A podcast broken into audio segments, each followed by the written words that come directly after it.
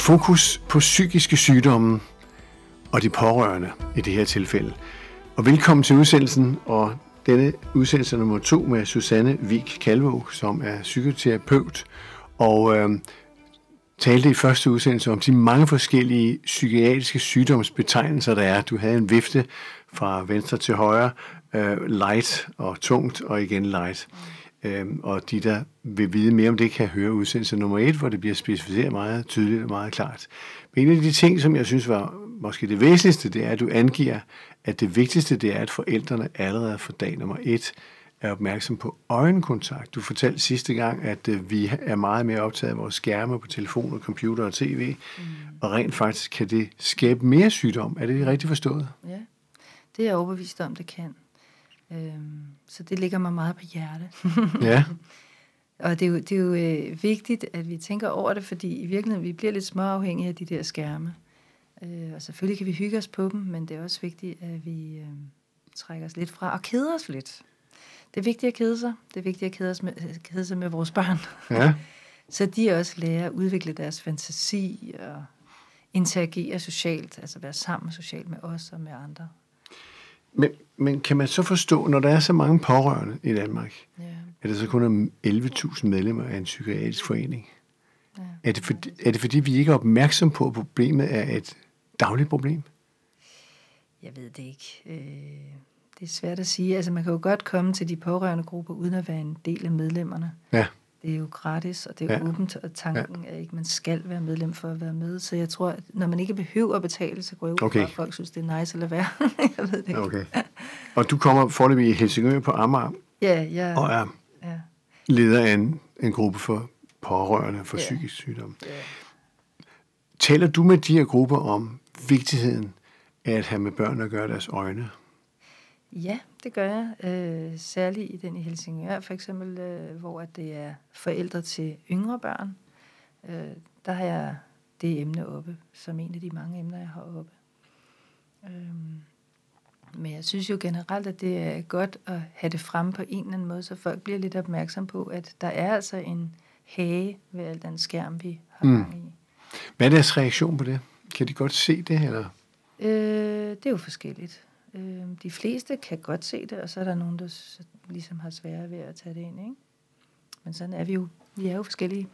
Men vil det sige, at du kan, du kan på tavlen vise, hvad det er, der sker med børn, hvis man ikke tager sig af dem? Nej, det gør jeg ikke. Det gør jeg ikke. Jeg viser ikke. Men altså, det er klart, hvis jeg har et par, for eksempel i min, på min privatklinik, som jeg kan mærke, at de mangler at interagere med barnet, så kan jeg godt gå ind og vise nogle øh, videoer for at gøre det tydeligere for dem, hvad er det egentlig, der sker. For eksempel et still face experiment, hvor man beder en mor om, som er sådan meget øh, tydelig i sin mimik, om at hun lige pludselig ikke skal være mimik øh, tydelig. Og så ser man, hvordan barnet meget hurtigt bliver stresset. Øh, det begynder, det opdager det næsten med det samme, at mor holder op med at lave mimik, og begynder at række ud efter mor, og prøver at pege, og gør alt muligt for at fange hendes interesse, og så vender sig ret hurtigt væk, og skriger, og græder, og prøver at få kontakt. Og det siger lidt om, hvor ubehageligt det er at blive ignoreret for en, en baby. Øh, men det er, jo, det er jo faktisk ubehageligt for os alle sammen. Vi vender os bare til at takle det på en eller anden måde. Men det er en vigtig del for, for øh, børn, at, at der er kontakt. Men kan man sige, at der bliver lagt nogle grundsten der allerede Ja, der barndommen? bliver lagt nogle grundsten der. Det gør der. Og hvis de så i forvejen måske har et lidt uroligt hjem, så eskalerer det måske. Det kan det, ja. Hvad, hvad er reaktionerne fra Psykiatrifonden og andre steder på, at, at de her problemer bliver talt om internt, men ikke kommer ud i samfundet? Det, der er jo ikke ret mange, der taler om det her. Mm. Du ser det ikke i medierne til dagligt, men det er jo et kæmpe problem for 600.000 Ja, pårørende. ja. ja, jeg ved ikke, hvad jeg skal svare på det. Altså, det er ikke så stort et emne, tror jeg. Men jeg håber, det kommer. Altså, der er jo nogen, der begynder at snakke om, at det er problematisk med de her skærme på, på mange måder. Og det er klart, jeg, jeg bekymrer mig jo også for, for de her mange drenge, der sidder meget bag skærm, for de får jo ikke øvet sig i at være sociale. Hvordan skal de øve det bag en skærm? Det gør de jo ikke. Men de har jo, hvor de kan spille samme spil sammen på en skærm, så vidt jeg forstår. Jeg har ikke ja, selv prøvet og så det. snakker de sammen der. Men det er ikke det samme som at sidde over for et menneske og i går så en kede sig og finde ud af, hvad snakker vi om? Hvordan taler vi sammen? Mm. Jeg har unge drenge, der, der er i tvivl om, hvordan man snakker sammen. Jeg har unge piger, der fortæller, at de kan sidde på en café og så måske i virkeligheden sms'e til hinanden. Fire piger rundt om et bord, men de snakker ikke særlig meget sammen, og de bliver nervøse, hvis de skal. Og hvorfor? Fordi de ikke ved, hvordan de skal sige noget. Er de bange for at falde igennem? Ja. Hvor får de det fra? Jamen det er, hvis du ikke bliver øvet i at tale, så bliver du mere nervøs. Og vi kan jo se, at der er mere og mere angst i hvert fald. Så der er jo, der er jo i hvert fald noget, der kunne tyde på, at, øh, at vi ikke får øvet os nok. Hvad skal der til for, at en klient henvender sig til dig? Typisk, at de har det dårligt. Typisk øh, kommer folk ind ad døren, fordi at øh, de ikke er glade i livet og gerne vil have det bedre. Øhm, Og hvad kan du gøre der? Altså meget af det, jeg arbejder med, det er jo at prøve at se, hvad er det egentlig, der kan være galt, øh, som er uhensigtsmæssigt, hvis man skal sige det, enten i måden folk tænker på, eller måden folk øh, forvalter sine følelser, altså affektregulerer. Øhm, og så prøve at gå ind og så se, er der noget, jeg kan give af, af sparring på det. Øh, det kan også være at lytte til traumatiske oplevelser, sådan så folk kan komme fri af noget, der egentlig har været rigtig vanskeligt, øh, som de måske aldrig har talt om. Lad os sige seksuelt overgreb eller et eller andet. Og det kan de godt åbne sig over for dig med? Nej, ikke nødvendigvis med det samme, men hen ad vejen kan det godt være, at det kommer frem, at, det, at der ligger sådan noget bagved, som, øh, som er rigtig tungt. Kan du med din erfaring godt se, at der ligger sådan nogle ting, inden de siger det? Jeg får ofte fornemmelserne, ja. Det gør jeg. Men du siger det ikke til dem? Nej, det gør jeg ikke. Altså, jeg prøver, jeg tror meget på, at, at man har ofte, øh, hvad skal man sige, vi har noget forsvar, som er med til at beskytte os, så vi ikke bliver følelsesovervældet. Så jeg er ikke sådan en, der presser meget på i forhold til sådan noget. Der er jeg mere sådan en, der går efter mennesker i forhold til, hvis de selv lige pludselig kommer ind på, Mm. det her minder mig om, okay, hvad skete der der? Altså, så, så jeg vil hellere gå bag folk i sådan nogle traumer der, for- også for ikke at manipulere. At øh, folk skal tro, de har været udsat for noget, de måske ikke har været udsat for. Mm. Så jeg synes lige præcis med seksuelle overgreb, så er det mega vigtigt, at man går bag klienten. Det, det er min holdning. Når du øh, er på de her pårørende gruppemøder, hvad er det for nogle typiske hændelser, man taler om? Øh, der er jo ikke nogen navn på, så vi kan godt sige, hvad Nej. det drejer sig om. Jo. Ja, altså jeg vil sige, øh, de pårørende grupper, jeg har, som er helt åbne, der synes jeg, der er mange, øh, der er pårørende til skizofrene faktisk, som øh, jo øh, har svært ved, hvordan skal vi hvordan skal vi takle det, hvis der er en tvangssituation. For eksempel, hvis man skal have en patient indlagt, øh, eller hvis der er selvmordstanker, hvad gør vi her, eller øh, det kunne være, øh, hvordan håndterer jeg den her meget vrede unge, jeg har, for eksempel. Det kunne være en ADHD eller en borderline-problematik, øh, som er meget voldsom. Hvordan, hvordan skal jeg konflikthåndtere? Jeg synes, konflikthåndtering går meget igen. I grupperne. For, ja, Ja. fordi hvordan, hvordan gør jeg det her bedst muligt? Hvordan er den bedst mulige hvad skal man sige, jord omkring den her sårbare plante, hvis man skulle sige det sådan i Mm, billedet. Ikke? mm. Hvordan kan jeg bedst muligt sige min sunde grænse og alligevel øh, være ordentlig?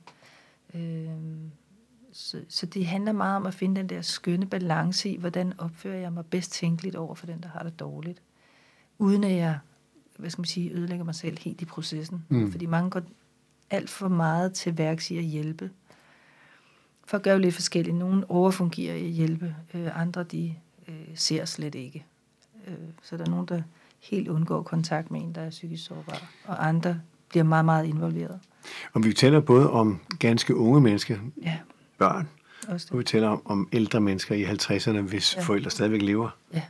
Hvad er problematikkerne for eksempel for, for nogle ældre, hvis børn er i 50'erne og, og er helt galt på den? Hvad kan de gøre? De har jo vel ikke så mange kræfter, de ældre. Nej, det er rigtigt, men det, de kan øve sig i, det er, hvordan kan de sige tingene, øh, så hvad skal man sige, ærlig kærlig af min kæphest Ja, som muligt. Øh, hvordan kan de, altså fordi det, det handler jo om, at der er konflikter, som er svære at løse. Fordi der kan være forvrængning på noget af det, der bliver opfattet.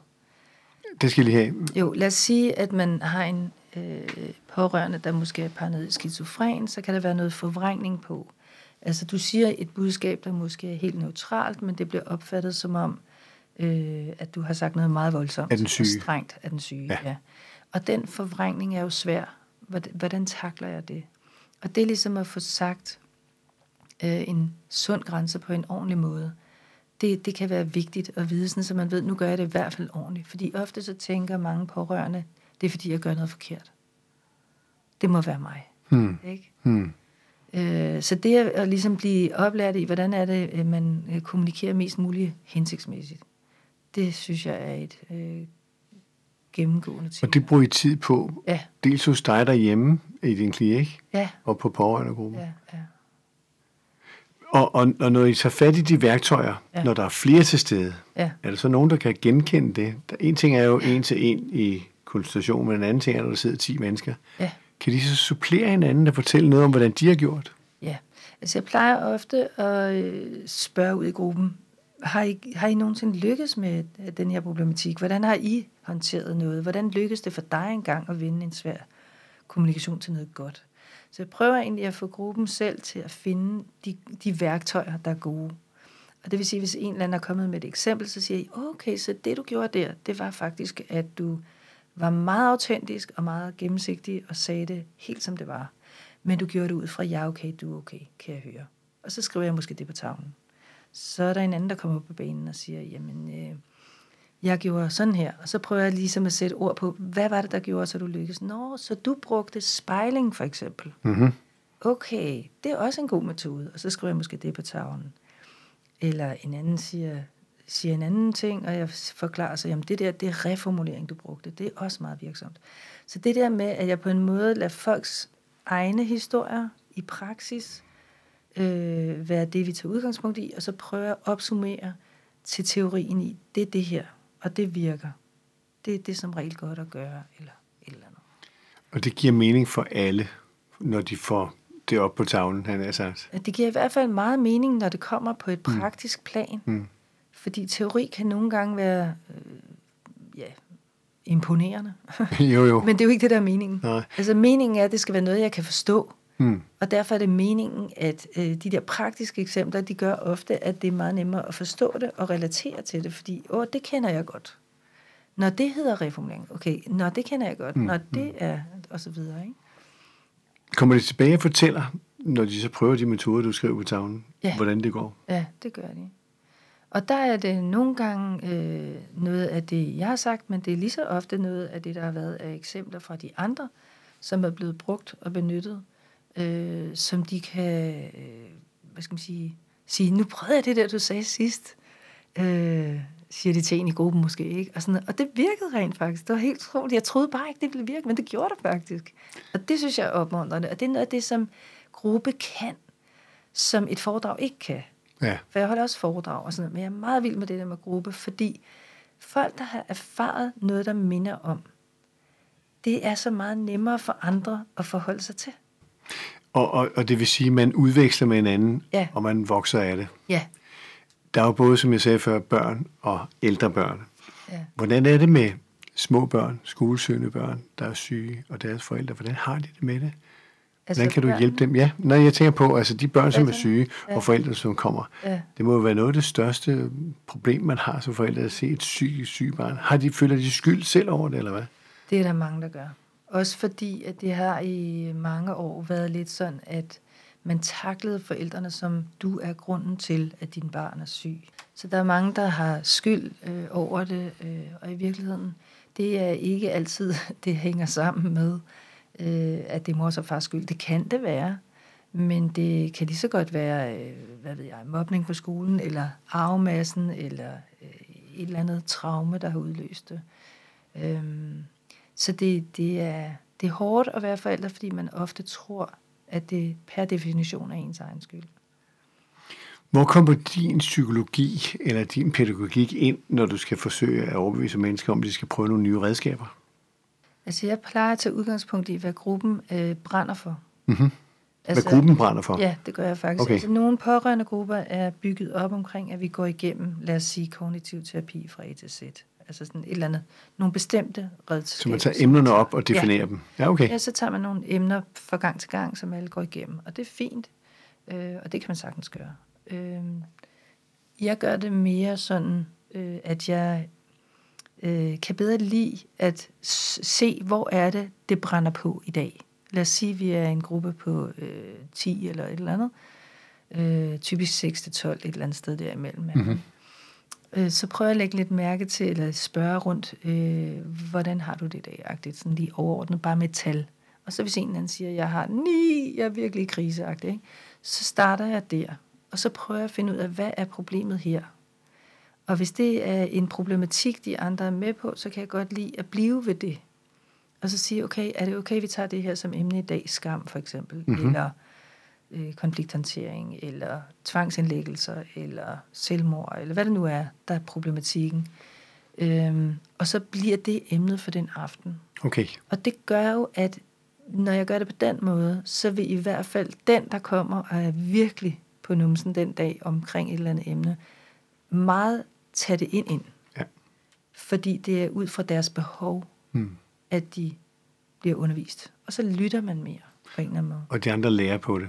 Og de andre lærer rigtig meget på ja. det også. Ikke? Så det er jo, plus at de også kan give ind i det. Hmm. Altså de kan jo lige så godt som jeg gå ind og så sige, ej, jeg kan så meget genkende det der, og sådan, øh, og jeg ved ikke, om du kan bruge det, men, men det hjælper for mig at, eller noget. Ikke? Ja. Ser du nogensinde noget til de syge i sådan nogle grupper? Ikke de grupper, for det er ikke dem, der er øh, målgruppen her. Øh, så de psykisk sårbare øh, ser jeg primært i klinikken.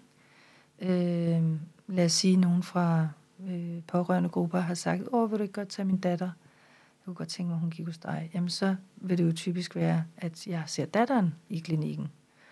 Øh, jeg kan også se de andre, sådan set. Men... Og, og hvordan, øh, hvilke typer nu spørger jeg sådan meget direkte ja, ind til dig. Ja. Kommer der mennesker, der åbner sig helt og siger, jeg ved at tage mit eget liv?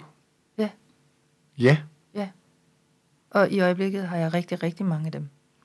Er det på grund af øh, pandemien? Det er på grund af pandemien. Og hvad er deres motiv for at ville tage deres eget liv? Det er typisk, når de ikke kan se meningen med at være her. De har mistet relationer, kan det være. Det kan være, at de øh, har depression, for eksempel er meget tungsindige, melankolske, kan ikke mærke glæde, øh, og mister troen på, at det kan blive bedre. Det er meget ofte en af grundene. Så kan det være, at jeg føler ikke, at jeg har værdi.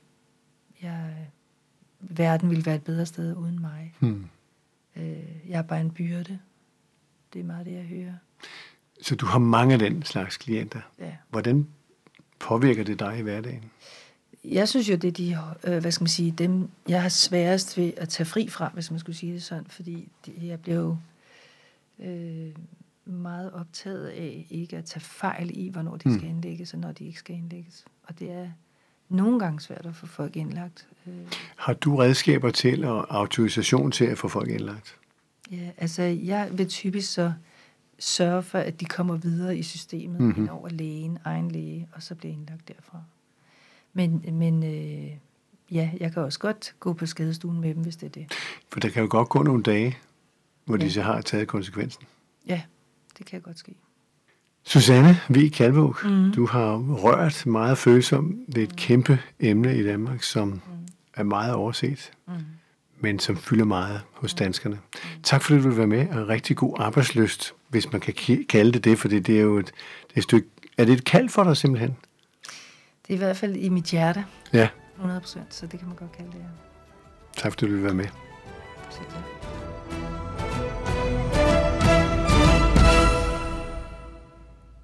Denne udsendelse har berørt det vigtigste, vi har, livet.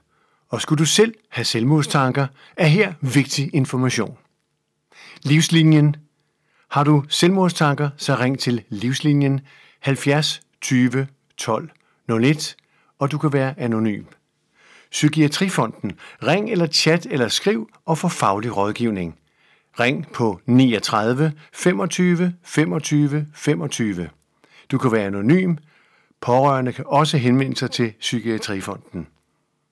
Depressionsforeningen er en depressionsforening for depressionsramte, bipolare og pårørende, der har brug for at tale med nogen, der forstår, og nogen, der lytter. Ring på 33 12 47 74. Og ved behov for akut psykiatrisk hjælp, så kontakt Psykiatrisk Skadestue. Og akut hjælp, hvis din tilstand er så akut, så ring 112.